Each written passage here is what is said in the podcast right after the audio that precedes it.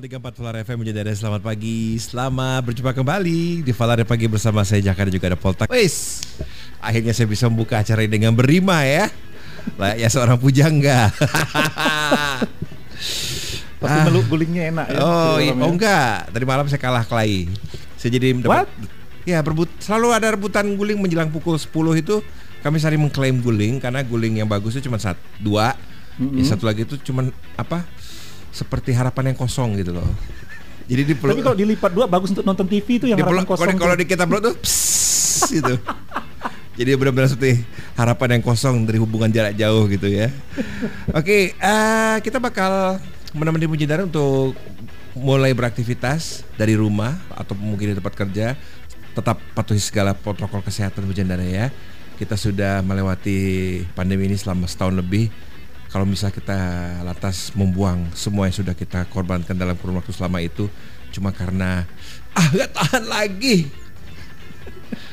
Atau gengsi. Konyol ya. Saya kenal ada orang gengsi pakai masker. Gengsi? Iya bahkan ada yang gengsi pakai jas hujan eh mantel hujan ketika hujan jadi lebih bagus dia basah kuyup Oh, mungkin takut bajunya rusak kali ya. Jadi lebih memilih kena air. Kita baru saja melihat kemarin ya satu lagi sebuah pertunjukan sirkus yang menghadirkan netizen maha benar di Indonesia ya. Saya sudah mengharap saya sudah mengharapkan sirkus politik. Oke, jadi apa masalahnya oh, apa? sekarang sirkus di Indonesia bukan politik di Indonesia bukan sirkus, Poltak. Apa? Debus. sudah orang makan orang sekarang. Eh, dan beberapa pihak kebal ya. Kebal ya. Dan ini juga menunjukkan betapa apa ya sosok seorang apa sih saya kurang suka menggunakan istilah influencer apa pada bahasa Indonesia nya pemengaruh. Ye, enak, enak banget ya. Tapi ketika hmm. kemarin kita ketika pertama kali kita tahu bahwa akan ada beberapa so-called influencer yang akan hmm. divaksin terlebih dahulu untuk meningkatkan awareness uh, di kalangan fansnya gitu hmm. ya. Saya merasa oke, okay, uh, pemerintah mencoba sesuatu yang baru di sini ya. Tapi di sisi lain saya sampai pikir perlu berapa lama ya supaya ini bisa kebijakan ini akan berbalik dan menggigit pantat pemerintah gitu ya. Ternyata tidak butuh waktu lama ya. Yeah. Jadi salah satu influencer yang disuntik itu kan setelah dia menerima vaksin dia langsung terekam sedang melak sedang party tanpa mematuhi protokol kesehatan ya. Karena merasa sudah disuntik itu. Saya rasa sih memang dia sehari-hari hidup kayak gitu gitu.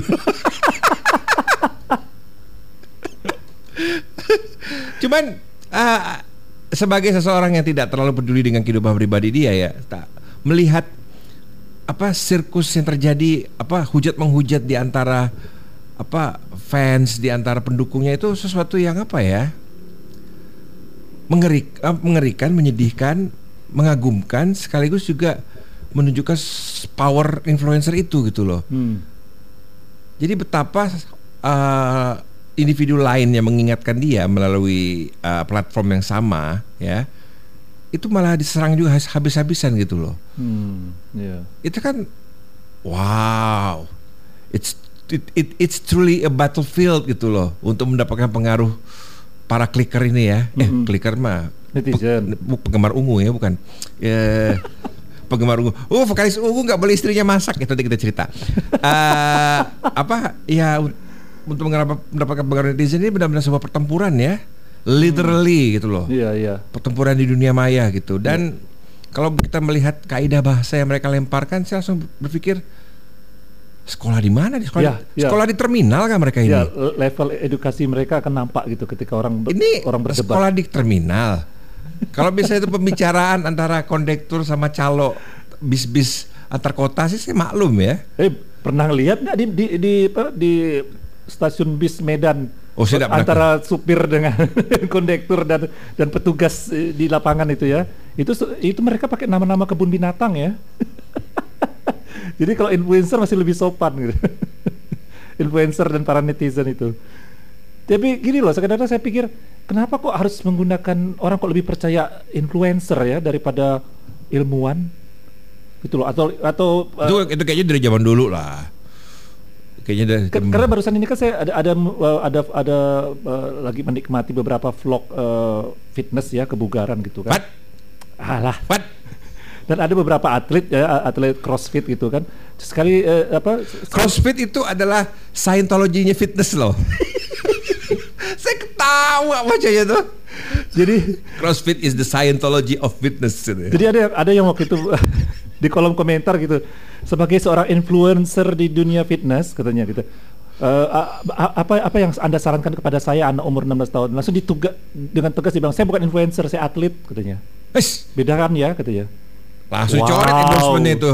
wow Udah dapat endorsement dan, dong. dan bukan cuma atlet crossfit ini aja ada at- atlet tinju juga gitu bilang eh, atau atlet fitness gitu dia bilang saya atlet ya bukan influencer gitu ya Karena ini menarik kok bisa Ah. berjendara eh, kalau Potak mengangkat ini ya karena ada ini internasional sih ya. Hmm. Ada seorang apa ya mengaku sebagai seorang kiper, Hmm. kiper dengan skill tinggi apa segala macam dan selalu menunjukkan rutin, rut- rutin apa latihan rutinnya yang spektakuler, tapi justru pelatih-pelatih asli dan pemain-pemain sep- sepak bola asli Mengkritik dia. mengkritik dia bahwa itu adalah latihan tidak tidak tepat Mm-mm. karena apa yang dia lakukan itu adalah ke- apa sesuatu sebuah sebuah rutin yang hanya mungkin terjadi satu dalam seribu pertandingan katanya. Hmm. Jadi itu, itu semua buat show off.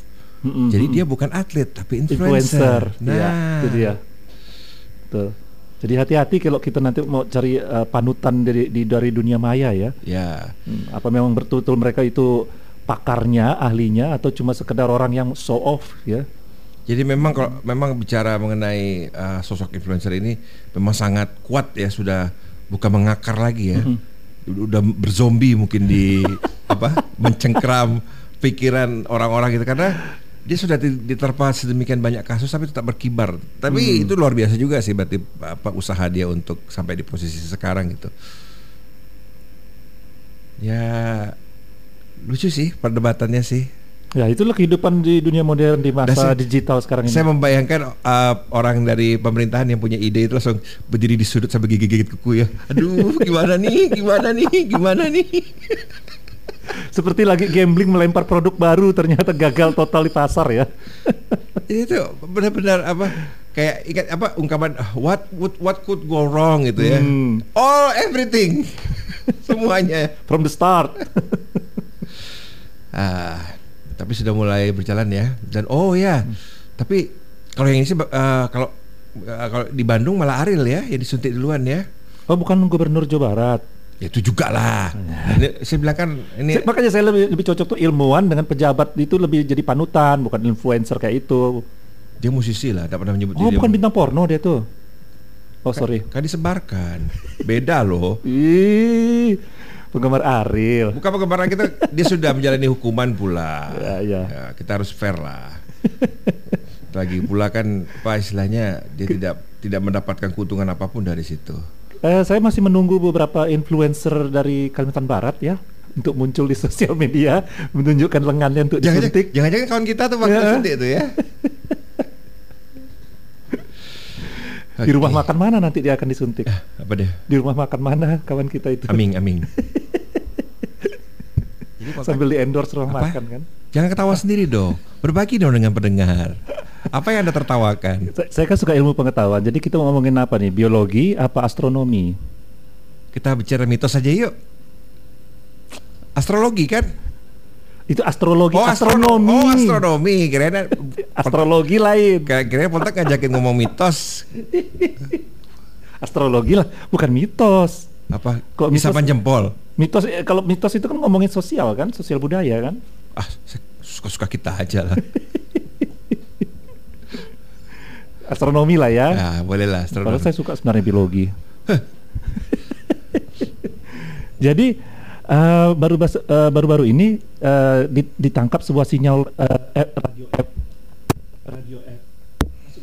Nggak. Makanya jangan ngomong biologi di Volare pagi. Tes, Perangkat langsung protes kan?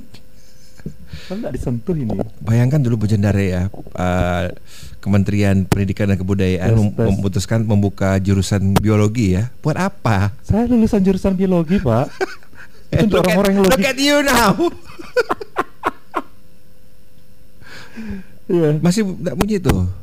Ya, dah. Masuk. Nah, oh, oke, Oke. langsung Eh, langsung Pecah, keras. pecah nggak terlalu dekat. Oh, udah saya kecilkan. Oke, Oke. oke. Jadi barusan ini ditangkap oleh sebuah sinyal radio FM dari Ganymede. Tahu Ganymede? Salah satu bulan di Sebelah Jupiter. sebelah mana ND Flores gitu. Bukan ya? Salah satu bulan dari eh, planet Jupiter. Itu planet terbesar di di di apa? Di orbit eh, yang planet-planet yang mengelilingi matahari ya. Hmm, hmm. Nah, jadi dan itu besar-besar gas ya. Jadi kita se- semua planet lainnya itu kalau dikumpulkan bisa masuk ke dalam Jupiter saking besarnya Jupiter itu. Oke. Jadi bandingkan cara membandingkannya gini loh. Kalau orang bingung seberapa besar sih Jupiter, bumi itu kelereng, Jupiter itu bola basket. Oke. Sip, bisa tangkap perbedaannya? Hmm. Hmm. Bola basket standar apa anak-anak nih? Nyebelin enggak nyebelin enggak? Nyebelin banget, makanya saya benci anak-anak IPS tuh. Apalagi anak jurusan bahasa. Sok-sok bahasa Jerman. Jadi ini eh, pertama kali eh, bisa ditangkapnya sebuah ge- gelombang sinyal radio FM ya dari dari angkasa luar di dekat da- dan itu dari bulan bukan dari dari dari galaksi lain gitu dan dekat-dekat dengan kita gitu kan. Saya enggak tahu lah saya khawatirnya tiba-tiba muncul rara ulala gitu muncul suaranya gitu kan. radio FM gitu kan Polare gitu muncul. Jadi menurut eh, salah satu pakar di NASA katanya ini eh, bu- kemungkinan bukan alien ya. Jadi kemungkinan ini adalah, adalah apa sebuah natural function. Gimana menerjemahkannya? Function eh, fungsi alami gitu ya. Function. Kodrat. Jadi semacam akibat alami dari sebuah pergerakan alam. Kodrat lah. Kok kodrat sih? Iya kan? Jadi memang beberapa ge- pergerakan alam bisa menghasilkan gelombang eh, yang seperti gelombang radio ya, baik itu FM, termasuk yang FM ya. Jadi eh, sebuah satelit ya, satelit ya yang waktu itu melintasi Jupiter waktu itu sempat menangkapnya ya, dan ternyata eh, ini membuat eh, eh, apa orang-orang sempat excited, tapi ternyata itu dia diyakini sebagai pergerakan alam. Nah, tapi di sisi lain ada juga ditangkap eh, apa eh, sebuah gelombang radio lainnya lagi ini, tapi bukan dari salah satu planet yang mengitari eh, matahari, ya, tapi dari salah satu eh, bintang terdekat dengan kita. Ya, nah bintang terdekat dengan kita apa? Yang paling dekat? Bintang terdekat. Mm-mm. Itu operator pagi, operator sore bintang. Serius, kamu Mana saya tahu. saya akan usulkan agar jurusan IPS ditutup ya. Nyebelin. bintang terdekat kita adalah matahari. Matahari itu bintang. Oke. Jadi eh, sedangkan yang lebih dekat bintang lainnya yang dekat dengan matahari, paling dekat dengan matahari bintang apa? Proxima Centauri. Itu yang paling dekat. Oke. Walaupun kita mau berabad-abad baru nyampe di sana ya kalau naik motor. nah, dari eh, dari arah bintang Proxima Centauri ini ditangkap juga sebuah eh, sinyal radio FM sekuat 980 lebih eh, 9 982,002 megahertz. Nggak tahu stasiun radio mana itu ya. Jadi, dat yang bikin orang eh, bikin para ahli ini excited karena eh, bintang Proxima Centauri ini adalah eh, dia ini host atau istilahnya eh, tempat dari salah satu planet yang seukuran seukuran dan agak mirip dengan bumi yaitu Proxima b. Jadi teori eh, mereka eh, orang yang percaya dengan teori bahwa ada kehidupan lain yang mirip dengan bumi itu eh, orang-orang yang percaya teori itu excited dong gitu kan. Wih ada gelombang radio muncul dari arah Proxima b gitu kan. Nah ini semakin membuat eh, para astronomer eh, semakin bersemangat untuk mencari eh, apa planet-planet yang mu- kemungkinan seukuran bumi, eh, mirip bumi ataupun juga berfungsi da- ataupun atmosfernya seperti bumi. Kita- apalagi apalagi kita makin ngerusak bumi ini ya, jadi mau pindah gitu kali. Nanti kita coba cari referensinya di episode Simpson ya. Kalau ada berarti. Karena dia sudah ada episode yang itu loh. Ternyata ada episode yang menggambarkan penyerbuan ke Capitol itu ada. Eh. Beberapa tahun yang lalu mereka sudah bikin episode aja. Sudah termasuk yang pandemik gitu ya. Ada. Dan ada satu episode menggambarkan Donald Trump meninggal pun ada katanya. Don't worry, don't worry boys. We still waiting for this one to happen. Jadi, nah selain itu juga barusan ini ditemukan lagi nih ada planet yang disebut mereka eh, disebut super Earth, ya. barusan ditemui mengorbit di uh, salah satu bintang tertua di uh, galaksi Milky Way. Kita di galaksi mana, Pak? Huh? Milky Way juga kan? Uh, saya loh. All this talk about stars make me sleepy. Jadi uh, apa uh, kalau kita orang Indonesia nyebutnya Bima Sakti. Uh, orang Pemain bola atau politikus. Itu Bima Arya ya. Jadi Milky Way itu kalau di foto-foto di tentang astronomi itu dibentuknya kayak obat nyamuk itu. Oh. Nah, kita matahari itu ada agak di pinggirnya. Nah, kita di situ itu matahari, cari matahari di situ. Nah, kita ngorbitnya kan bersama dengan matahari. Nah, eh, karena kita uh, kalau yang lebih tua artinya lebih pinggir lagi kan? Lebih pinggir lagi. Jadi salah satu bintang tertua di galaksi Milky Way atau Bima Sakti ini ternyata menjadi host atau jadi induk dari uh, atau inang dari salah satu planet yang uh, berapa kali 50% lebih besar dari bumi. Uh, tapi juga uh, di, diperkirakan kalau lihat dari warnanya kan pakai teropong kita nih, tidak hmm. sempat ngirim siapa-siapa ke sana untuk niti. Uh, jadi diperkirakan atmosfernya mirip-mirip bumi. Nah, itu makanya dibilang uh, ini super Earth. Jadi itu semakin memperkuat orang untuk meyakini bahwa ada kehidupan lain selain di bumi. Sebenarnya makhluk lain itu udah ada, cuma mereka empat dimensi. Astral. Udah astral lah kan kita kan tahunya kan baru tiga dimensi. Siapa tahu ada yeah, yeah, siapa yeah. ada dimensi keempat. Mm -hmm. hmm. Dan mereka di sebelah kita tapi kita tidak bisa lihat. Bisa jadi. bukan bukan astral ya ini ya. Astral ini, lain. Ini bukan acara wak wak waku uka uka itu ya. Kalau anda tidak sanggup angkat tangan gitu ya. Lambaikan ke kamera gitu. Oke, itu sedikit info tentang kemajuan astronomi saat ini. Eh, hilang. Apa? Suaranya. Kemajuan astronomi? Ya. Nah, untuk yang pada sekarang kita butuhkan kemajuan teknologi ini kita ya. omongin sekarang ini mungkin sesuatu yang uh, sedikit apa ya mengenai pemahaman warga Indonesia kebanyakan tentang kekerasan bukan terhadap anak atau apa ya itu sudah menjadi wacana di mana-mana tapi kekerasan terhadap binatang yang sepertinya kita belum bisa menemukan kesamaan suara ya. Iya. Karena ada sebuah akun yang akun YouTube yang cukup banyak mendapatkan publikasi tapi for all the wrong reason ya di Twitter kemarin karena kontennya yang sudah borderline penyiksaan gitu ya. Di mana dia menggambarkan um, monyet yang disimpan di dalam sebuah kandang terus lagi tidur dibangunin, dikagetin gitu ya. Mm -hmm itu mungkin bagi sebagian dari kita lucu. Lucu. Tetap iya. masih kita oke okay lah. Tapi ketika kita lihat video-video lain ada dikasih makan cabe, dikasih makan kerating deng, minum disuruh minum kerating deng. Dan itu direkam for dia for monyet juga, monyet. Kayaknya lebih beradab ini kurung daripada yang ngerekam ya. Jadi kenapa jangan bilang kita masih belum punya pemahaman karena yeah, yeah.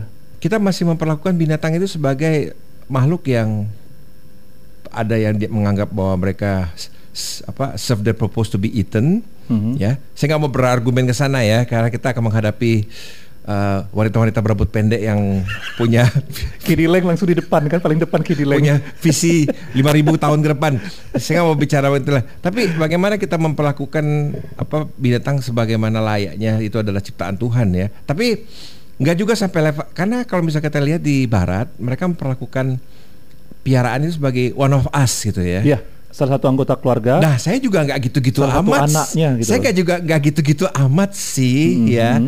Tapi saya bisa memahami kenapa mereka seperti itu karena ya for them is companion gitu ya. Iya. Uh, tapi ketika melihat konten yang disebutkan itu, eh, saya sebutin aja sih nama nama itunya. Jadi sering kita lupa gitu ya, Bujang Dara, bahwa binatang itu juga punya punya rasa gitu loh. Ya, mereka bisa bisa merasa. Ya, pertama. Bukan tomat ya. Bukan. Apakah ada L. Ron Hubbard? Bukan ya, itu kan tomat ya. itu orang saintologi kayak itu. Iya. Jadi uh, pertama kalau dari dari sudut pandang biologi mereka punya susunan saraf, jadi bisa merasa sakit. Yeah. Oke, okay? itu pertama ingat dulu. Kedua, mereka juga punya perasaan. Nah, beberapa binatang di antaranya uh, uh, binatang-binatang yang masih ada dalam tanda kutip, jangan debat saya ya, jangan debat saya. Masih ada kekerabatan dengan kita, gitu loh. Masih, eh, jangan salah. Dalam tanda kutip. Maaf jangan potong ya salah satu binatang paling pendendam itu gagak loh. Iya, iya betul. Makanya banyak mitologi-mitologi Gagak itu pendendam. mitologi baik budaya maupun agama itu yang melibatkan gagak gitu sebagai sim- simbol-simbol gitu ya. Karena sifatnya yang yang sangat seperti manusia. Itu kan salah satu binatang 10 binatang terpintar di dunia. Jadi dia bisa mengingat Bisa, wajah. betul. Jadi kalau misalnya kita pernah melempar dia atau Iya. apa, dia bakal Dan itu manggil nggak- kawannya. Tuh abang yang anak saya bang. Kalau kita mau miara dia, kita butuh tiga tahun, dua tahun lebih, hampir tiga tahun untuk bisa mendapatkan trust dari dia. Miara gagak buat Iya. apa? Nakutin Dia orang. nggak tahu gitu loh. Wak wak. Dan kedua binatang juga punya punya uh, pemikiran, ya. Ya, Beberapa pasti. di antaranya punya inteligensi. Misalnya kalau kalau kalau anjing itu kan inteligensianya rata-rata seperti anak umur tiga tahun, Hmm. ya. Di sedangkan beberapa anjing yang kayak uh, anjing collie uh, Australia, Australian collie itu bisa sampai uh, uh, kayak anak umur lima tahun. Makanya bisa dijadikan menggembala uh, biri-biri Hmm. secara mandiri. Bukan bala-bala ya. Bala-bala bukan. nah jadi jadi ingat itu ya. Jadi eh, kalau kita eh, sering kali in- kita menganggapnya itu objek, barang atau se- semacam alat untuk menyenangkan diri, untuk menghibur diri. Itu salah sebenarnya. Saya lebih cocok sih untuk penyaluran emosi. Iya. Banyak yang ya, lagi kesal tendang. Ya. Itu biasanya Lagi orang pengen, yang yang lagi pengen tersiksa di sayang dipeluk-peluk. kalau saya perhatikan dari kecil itu teman-teman yang suka nyiksa binatang itu di rumahnya tuh dia tuh apa tersiksa gitu loh, entar sering dipukulin, Dan jangan di- dianggap lupa, remeh gitu loh. Jangan lupa ya, semua pembunuh berantai memulainya dengan binatang. Iya, iya. Jadi jangan anggap remeh ya ada, ada anak kecil suka nyiksa-nyiksa binatang orang itu cuma permain anak-anak bukan itu Kalau misalnya ada gejala loh. Kalau misalnya ada anak ngeliat anak gunting-gunting kaki ayam gitu ya, Heh. nah, itu mungkin bisa dibawa ke yang lebih paham lah ya. Dulu waktu saya SMP saya lihat ada ada anak tuh hobi dia tuh guntingin sayap kelelawar.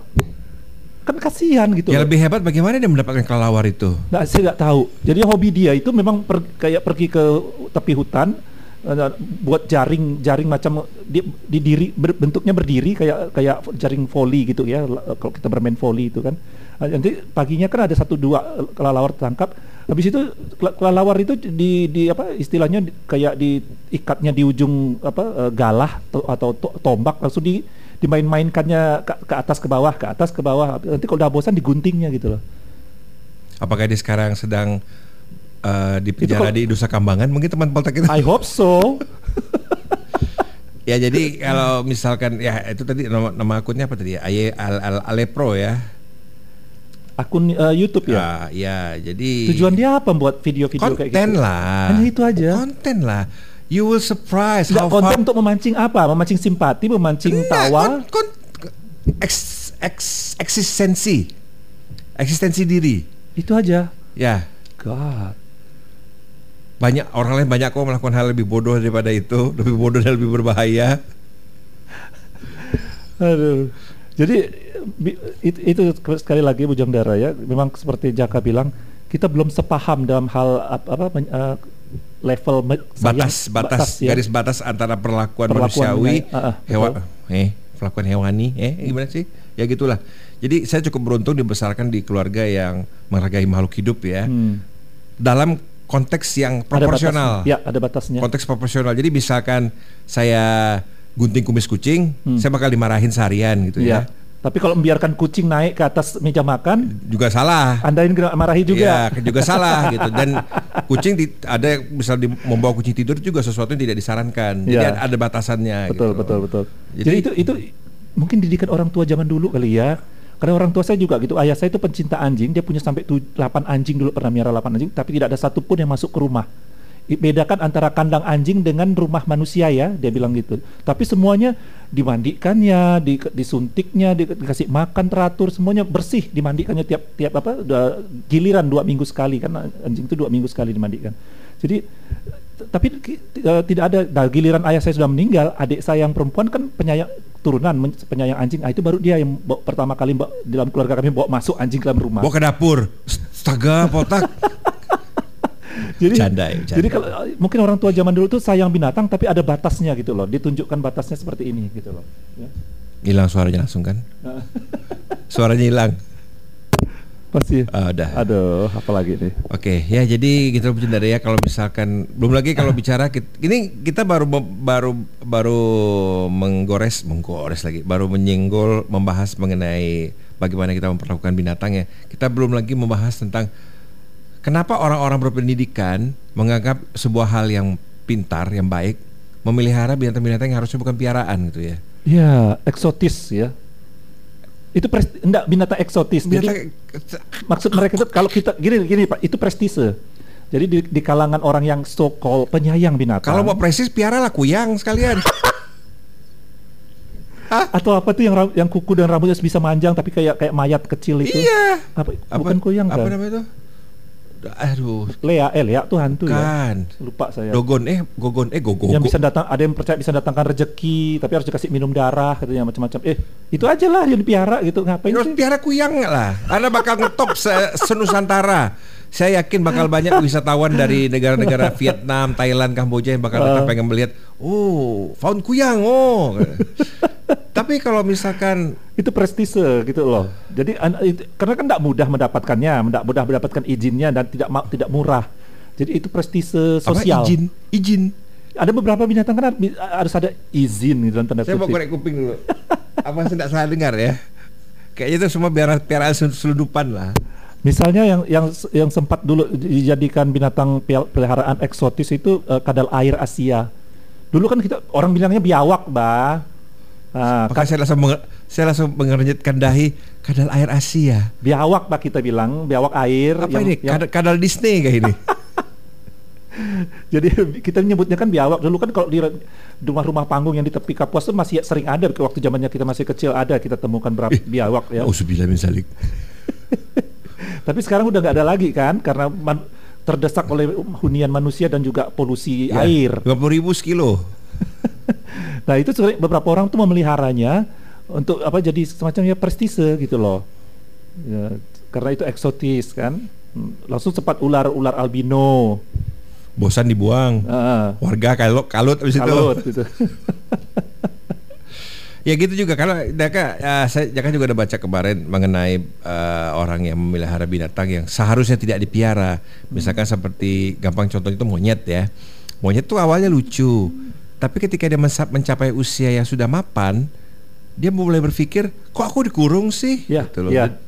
Dan akhirnya dia berontak dan akhirnya kan malah dibuang, mati deh. Iya. Dan ini juga ya, ya mungkin akan banyak yang protes juga tentang ini ke, eh, kesenian topeng monyet itu ya. Kalau anda pernah lihat bagaimana Kok, kok protes itu memang tidak manusiawi lah.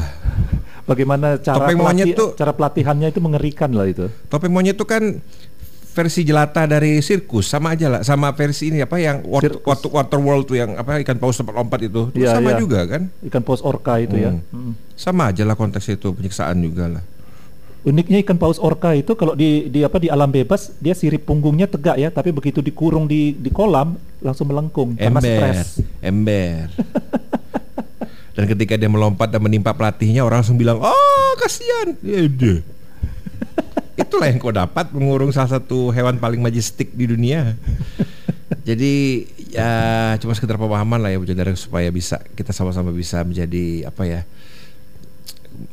mamalia paling intelek mamalia memakai celana kan kita ini kan cuma mamalia pakai celana aja sebenarnya Thank God, bukan square pants kan. ya makanya Yang Jadi- square pants aja pintar ya.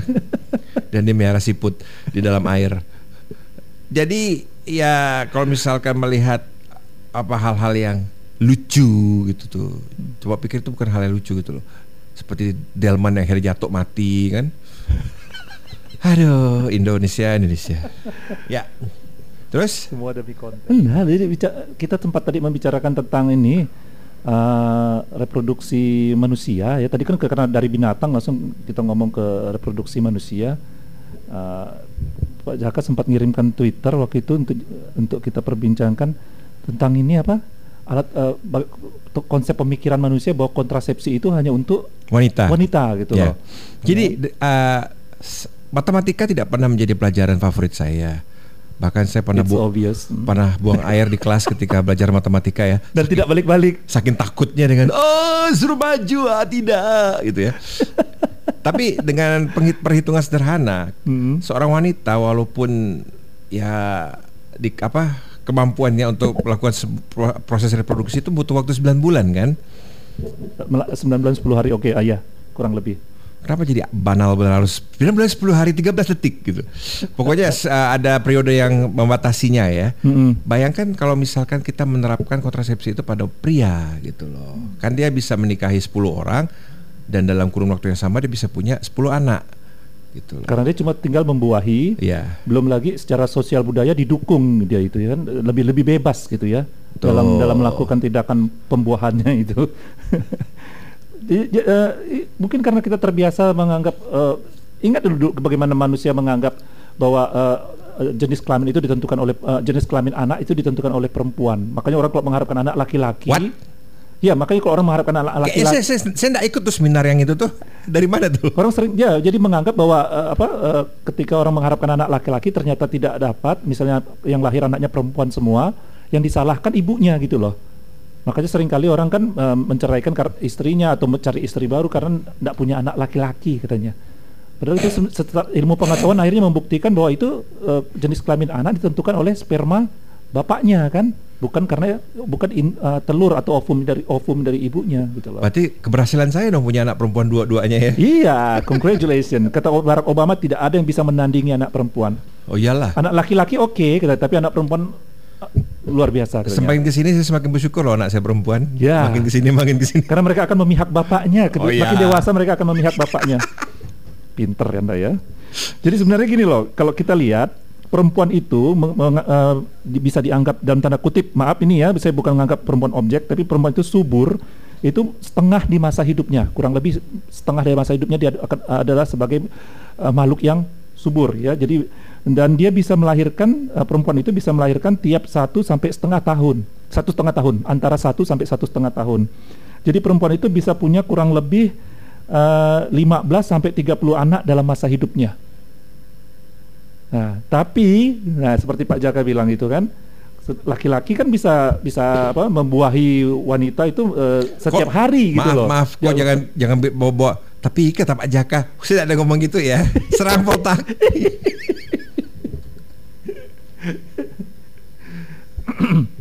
Jadi apa eh, kalau laki-laki sedangkan itu ada jaraknya kan gitu loh. Ini bi- dia bisa menghasilkan satu keturunan wanita ini sa- se- antara satu sampai satu setengah tahun. Ya kan? Karena dia perlu proses yang lama gitu kan eh, eh, sampai 9 sampai 10 bulan gitu loh. Se- Sedangkan laki-laki eh, eh, yang memang cuma kata apa? Kata Whoopi Goldberg tuh cuma penyemprot gitu kan, Hmm. the sprinkle gitu ya. itu cuma apa bisa tiap malam gitu loh proses pe- apa, eh, membuahinya gitu loh. Nah, tapi eh, kalau lihat tadi katanya dalam masa hidup bisa sampai 15-30 anak, ternyata eh, rekor dunia itu dipegang ada seorang wanita dari Rusia bernama Fyodor Vasili eh, Fyodora Vasiliev. Dia dia punya 69 anak dari 27 kehamilan. 27 istri. Dua, dia perempuan. Kan saya dia bilang Nyonya Fyodora Vasiliev. Ya. Dia di Rusia dari dia dia, di- dia tinggal di ab- eh, waktu abad 19 sih. Zaman dulu kan orang murni makanannya enggak ada enggak ada kontaminasi semuanya organik gitu loh. Russia kah? Rusia. Oh, Oke. pantas. Dingin, Pak. Jadi Oh. tidak ada kerjaan lain.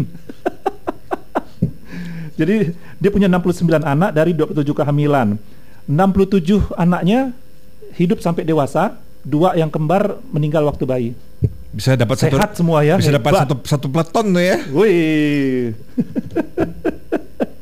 Tapi kalau ngomong Eh, kalau ngomong-ngomong soal ini punya eh, eh, apa kemampuan laki-laki dalam menghasilkan anak, memang eh, kalau kita lihat para penguasa-penguasa tiran di atau penguasa-penguasa kejam zaman dulu, mereka punya anak seperti ini ya, seperti Thanos. menjentikkan jari aja gitu loh. Seperti Thanos.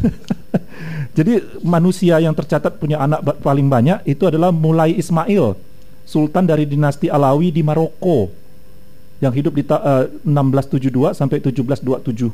Dia ini eh, apa penguasa tiran ya, da- da- eh, sangat brutal. Dia punya empat istri dan 500 harem atau is- istri simpan. Kan dulu kan jadi dan dia anaknya yang tercatat karena di, di istana jadi pasti dicatat dong, ya kan? Dalam dan harem itu kan kayak istana sendiri khusus untuk istana perempuan. I- i- itu anaknya itu 1171 orang. Quiet krik krik krik krik krik.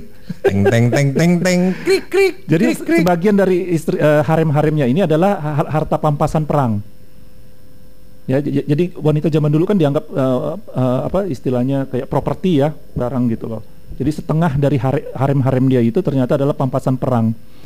Jadi tapi sebenarnya ada beberapa lagi yang dianggap punya anak tanya tapi susah di tracking karena tidak tercatat gitu loh. Kalau di istana kan mudah tercatat. Di antaranya itu eh, apa kaisar atau raja August, Augustus the Strong. Ya, ini raja di abad 18 di Polandia. Dia punya satu istri tapi long distance relationship. Karena dijodohkan, dia tidak tertarik dengan istrinya, jadi dia ditaruh dibuatkannya istana, istrinya taruh di istana yang jauh. Langsung dia langsung dia dia punya mistress itu sam- sampai be- be- berpuluh-puluh orang dan, dan dia punya anak eh, kurang lebih 370 orang dari para mistressnya itu. Tapi karena karena itu mistress tidak tercatat resmi, jadi susah dipastikan. Sedangkan di Asia yang paling Ini yang juara pasti deh. ah, yang pulang paling banyak punya anak, ta- tapi Maroko Asia kan? Oh enggak, Maroko Afrika ya. Sorry. Ajak lagi gini. Sorry. Maroko bilang saya orang Asia. Indonesia Pak, pokok bersorban sedikit saya kira Asia. Sorry, si orang Indonesia. Di Asia itu yang diperkirakan punya anak paling banyak itu Genghis Khan. Ingat kan? Tahu kan? Ember. Ya, itu itu seorang penakluk dan penguasa Kalau tiran. bukannya ada sudah ada penelitian yang membuktikan bahwa berapa persen penduduk dunia ini ada gen A Iya, dia kan? Iya, betul. Hebat betul. kan? Lintas lintas benua, Betul. lintas suku, benar-benar anti sara pada zamannya itu ya. Dia tidak peduli suku apa asal bernapas. Tapi gini ingat dia pergi berperang bawa keluarga dan semuanya tuh laki-laki yang bengis semua gitu loh. Jadi bukan jadi ke, jadi gini Wah, gini loh. namanya wajar gengiskan ya. bengis. Jadi Genghis Khan ini eh, penguasa tiran ya penakluk eh, Asia dan eh, sebagian sekecil Eropa di abad 13 Asia ini ya. Eh, di- mem- diperkirakan dia punya anak 1000 sampai 2000 anak. Ya. Lebih pasti. Iya, lebih. Den- eh, dengan meneliti jejak kromosom Y yang eh, eh, eh, kromosom Y-nya Genghis Khan ini diperkirakan ada 16 juta pria, baru pria aja nih ya, pria yang masih keturunan Genghis Khan atau keluarga dekatnya di sepanjang daerah penaklukan dia itu. Bayangkan, Nah, bayangkan misalnya suatu alat yang ditemukan yang bisa menyatukan itu, itu semua ya. jadi bisa bayangkan memang sebenarnya uh, uh, apa uh, pria ini juga memang kalau membuahi le- le- lebih lebih spread spreadnya tuh lebih besar daripada wanita gitu loh ya. Nah sedangkan keluar saat ini uh, rekor keluarga terbesar saat ini ya dipegang oleh bapak atau Mr. Ziona ya yang tinggal di perbatasan India Burma dan dia tinggal serumah dengan 38 istri, 94 anak, 33 cucu. Kalau sarapan katanya dia perlu 480 telur. Itu rekor keluarga terbesar. Jadi bayangkan dari 38 istri, dia bisa punya punya 94 anak dan 33 cucu. Jadi sebenarnya dia ini yang perlu perlu, perlu KB kan, kontrasepsi. Ember. Eh Dan- bukan dan dia tinggal di. Karena tinggal di perbatasan, dia- dia tuh tinggalnya di punggung gunung gitu loh. Dan semuanya istrinya happy-happy aja tuh katanya. Tapi tidak mungkin ada katanya sih kata para kaum feminis tidak ada wanita yang mau berbagi dengan 37 lainnya. Feminis itu kan tidak punya internet. Eh, feminis itu kan punya internet. Coba tidak punya internet. Happy oh iya happy mereka aja. tinggal di gunung ya, ya mereka tidak punya internet. happy happy aja kan. Jadi itulah pentingnya apa eh, konsep kontrasepsi untuk pria mungkin perlu dikembangkan lagi di masa Ya, depan. Lebih digalakkan lagi Iya. lah. Dan saya bisa membayangkan betapa besar tantangannya nanti. Ya. Oh, iya.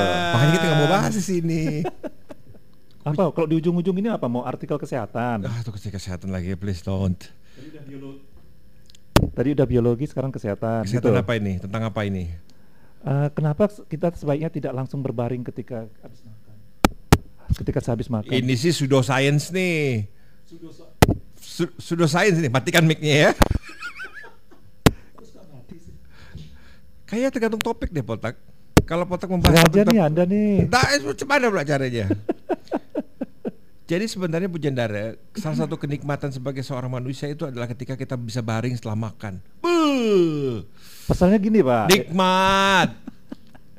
posisi posisi lambung dan eh, eh, eh, saluran eh, pencernaan kita itu kita eh, dari atas ke bawah, bukan dari depan ke belakang kayak ular sawah. Ular sawah sih langsung baring Pak, melingkar. Oh, kebetulan saya sering dis- sering dipanggil luar sawah tuh sama mertua saya.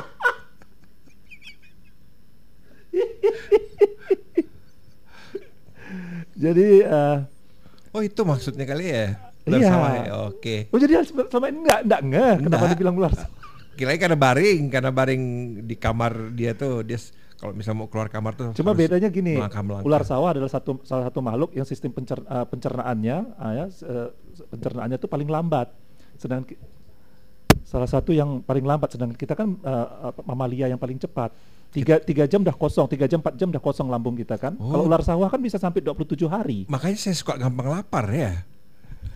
Jadi makanya ular sawah habis makan tidur 27 hari lagi baru bangkit. Bangkit. Pokoknya- baru, baru nyari makan. Kalau Anda kan 4 jam kemudian udah cari makan ke dapur. kan? Bangun-bangun udah di lapo kan? Loh, aku kok di lapo katanya.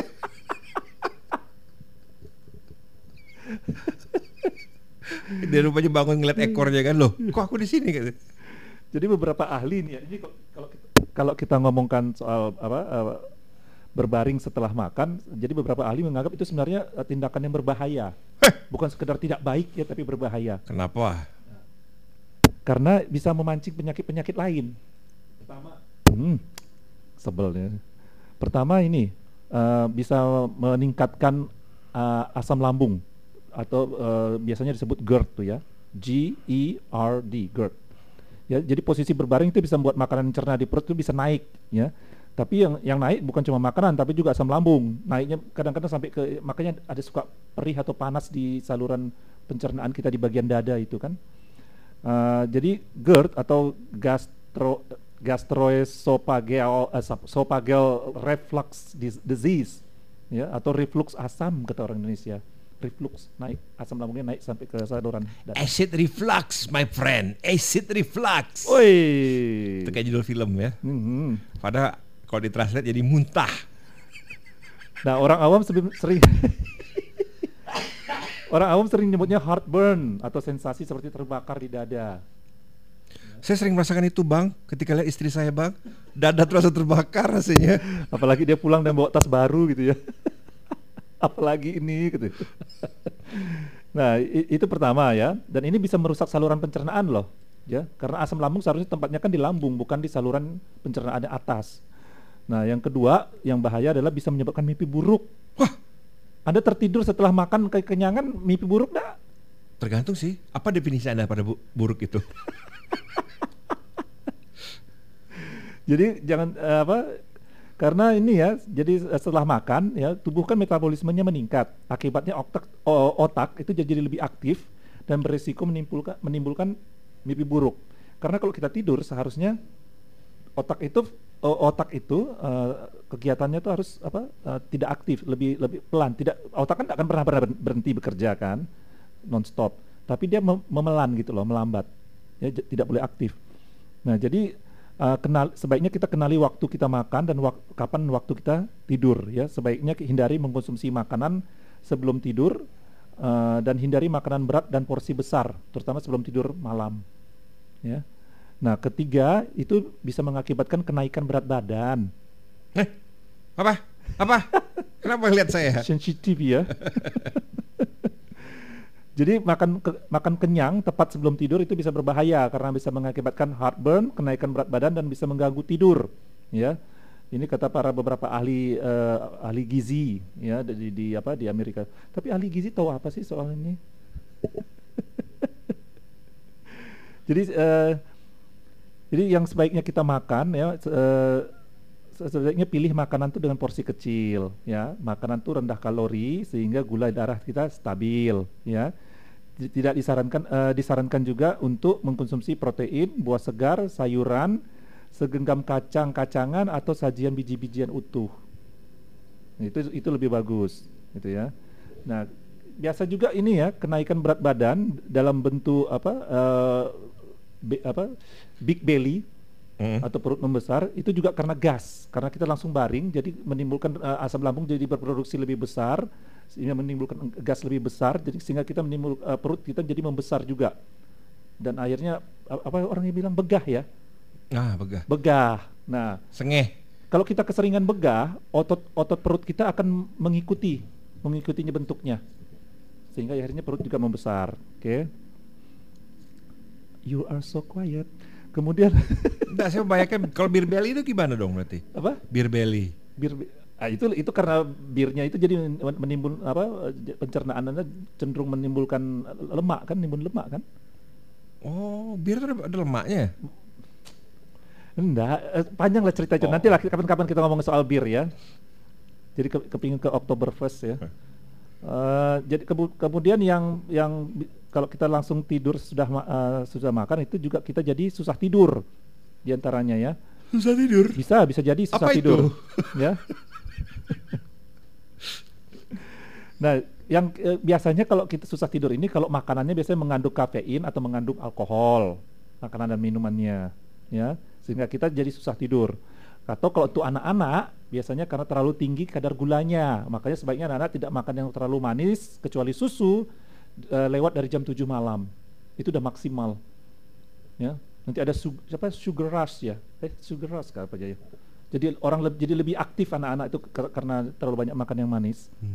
Nah, yang kelima bisa mengakibatkan stroke, ya. Jadi eh, sebuah universitas di di apa di, eh, Yunani ya menemukan setelah eh, makan ternyata bisa meningkatkan resiko stroke, ya. Jadi orang yang eh, memberi jeda untuk tidur setelah makan cenderung tidak terkena stroke.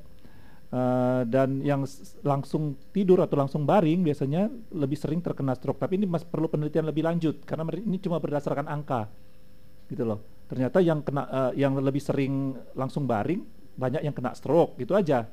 Pakai angkanya. Apakah a- a- sedangkan penelitian berdasarkan kon- pada ilmu pengetahuannya belum belum jelas ini ya. Nah, ternyata dari 500 partisipan yang ikut dari penelitian ini setengahnya memiliki riwayat keluarga dengan stroke yang partisipan yang su- langsung tidur setelah setelah makan. Jadi itu ya, eh, bujang dara sebaiknya tidak langsung berbaring atau langsung tidur setelah makan karena anda bisa mengakibatkan beberapa bahaya kesehatan ya, seperti apa eh, acid flux, mimpi buruk, kenaikan berat badan, susah tidur. Nah, tidur itu termasuk penting ya, dan juga bisa mengakibatkan kita stroke. di Valare pagi ya. Ada Jakarta Poltek yang sudah menemani Bu Jendara. Semoga apa yang kita obrolkan bisa membuat Bu Jendara sejenak apa ya? Utang. Banyak berita-berita yang bikin sedih ya. Bikin Iya. bikin pusing gitu. Atau mungkin sedikit meringankan beban kerja ya. Iya, di karena kepala. Mendengarkan dua orang yang ngoceh tanpa memikirkan konsekuensi. ya seperti itulah bercanda saja. Yang penting kita bi- bicara santai saja Bu ya. Dan kita bakal ketemu hari Senin nanti ya. Mhm. Wow, kita sudah melewati Oh ini hari Jumat ya? minggu kedua bulan Januari. Tidak sadar ya. Dan Covid masih bersama kita. Makanya tetap patuhi protokol kesehatan Bu Jendara yang bertugas ada saya Jaka. Saya Poltak. Sampai jumpa Senin depan. Selamat pagi. Wassalamualaikum. Thank you.